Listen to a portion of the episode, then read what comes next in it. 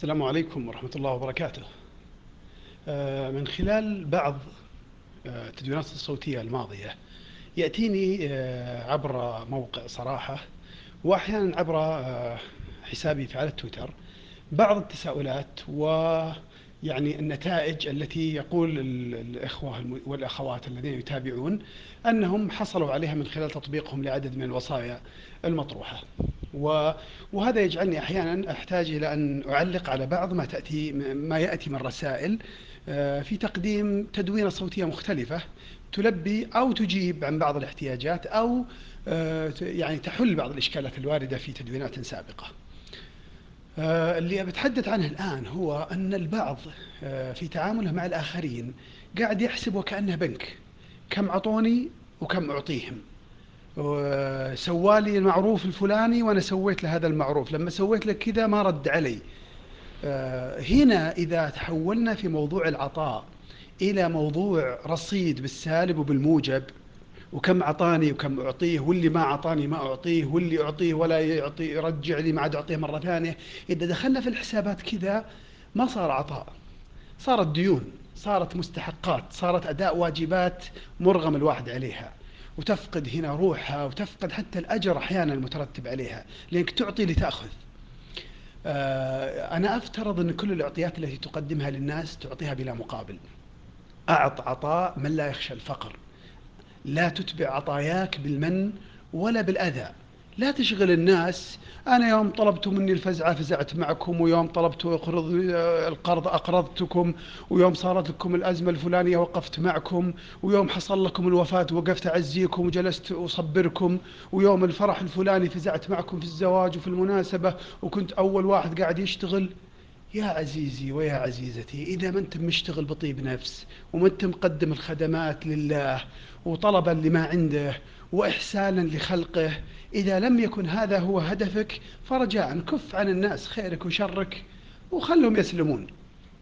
أما أنك كل مرة يعني واحد يقول مثلا والله أنا أرسلت ثلاث رسائل امتنان لأشخاص واحد منهم للأسف ما رد علي ولا عبرني ولا كأني أرسلت له امتنان. طيب يا أخي أنت أديت اللي عليك.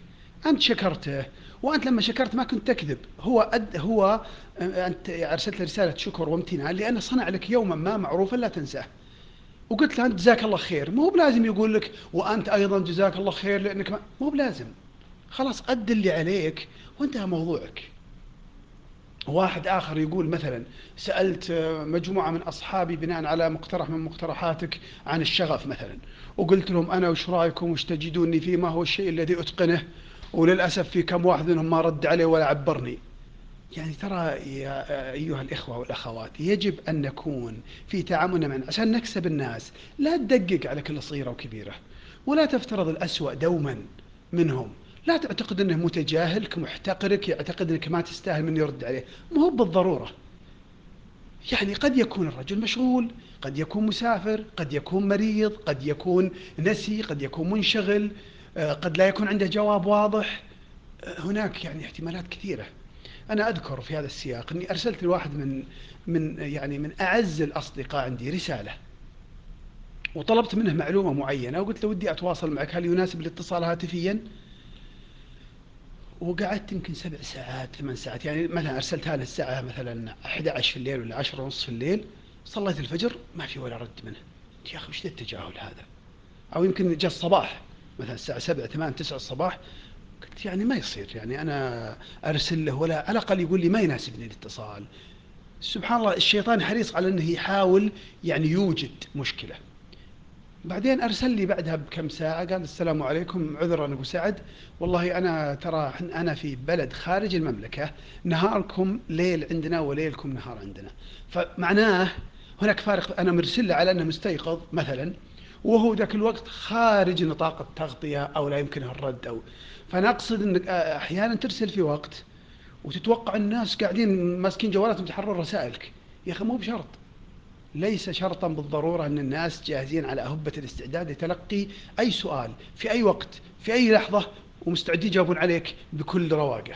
لا يا أخي قدر للناس ظروفهم وأوضاعهم. خلاصة ما أقوله في هذه التدوينة يا جماعة الخير خذوا الناس بحلمكم وإذا أحسنت وأعطيت فلا تنتظر ردة الفعل أعط لأجل العطاء وسيعطيك الله أضعاف ذلك. والسلام عليكم ورحمة الله وبركاته.